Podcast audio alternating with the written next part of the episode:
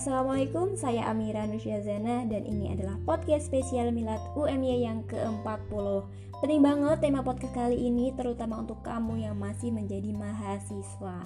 Nah, ada yang spesial dari angka 4 nih Yaitu ada empat hal yang membuat kamu termasuk mahasiswa teladan. Wah, jadi penasaran nih Termasuk mahasiswa teladan atau telatan? Ups saat ini pandemi COVID-19 belum usai. Ingat gak sih kamu waktu itu awalnya semua orang kaget dengan perubahan kondisi yang ada. Waktu itu orang-orang masih berkegiatan bersama seperti biasa, saling bertemu, berkumpul, berlibur, dan sebagainya. Tapi tiba-tiba virus COVID-19 datang yang mengharuskan orang-orang untuk karantina mandiri di rumah masing-masing, termasuk kamu kan pastinya. Nah, hal ini tentunya untuk menghindari virus COVID-19. Salah satu segi kehidupan yang berdampak sampai saat ini adalah pendidikan. Ya, pembelajaran daring masih berlaku hingga waktu yang belum jelas kapan akan berakhir. Nah, beruntungnya salah satu kampus ternama yaitu Universitas Muhammadiyah Yogyakarta sudah menerapkan pembelajaran daring sejak sebelum adanya pandemi. Nah, ini memang sudah menjadi kebijakan UMY yaitu pembelajaran daring sebanyak 70% dan pembelajaran tatap muka sebanyak 30%.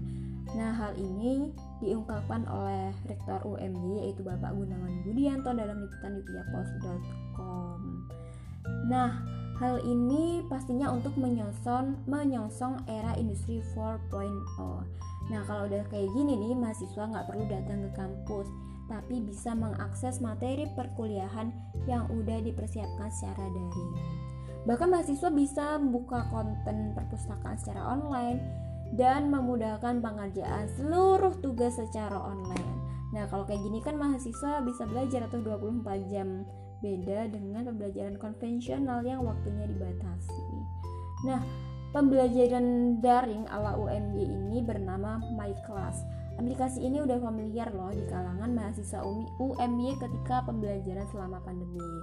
Jadi ketika pandemi datang dan pembelajaran daring dimulai, mahasiswa UMY udah nggak kaget lagi karena sudah terbiasa dengan adanya aplikasi My Class ini. Nah, di aplikasi ini terdapat banyak fasilitas, di antaranya adalah menyediakan kolom absen online, pengumpulan tugas online, mendownload materi, ruang diskusi, dan platform video virtual yang disebut Big Blue Button. Nah, dalam pembelajarannya, ada nggak sih bedanya antara kuliah tatap muka sama kuliah daring?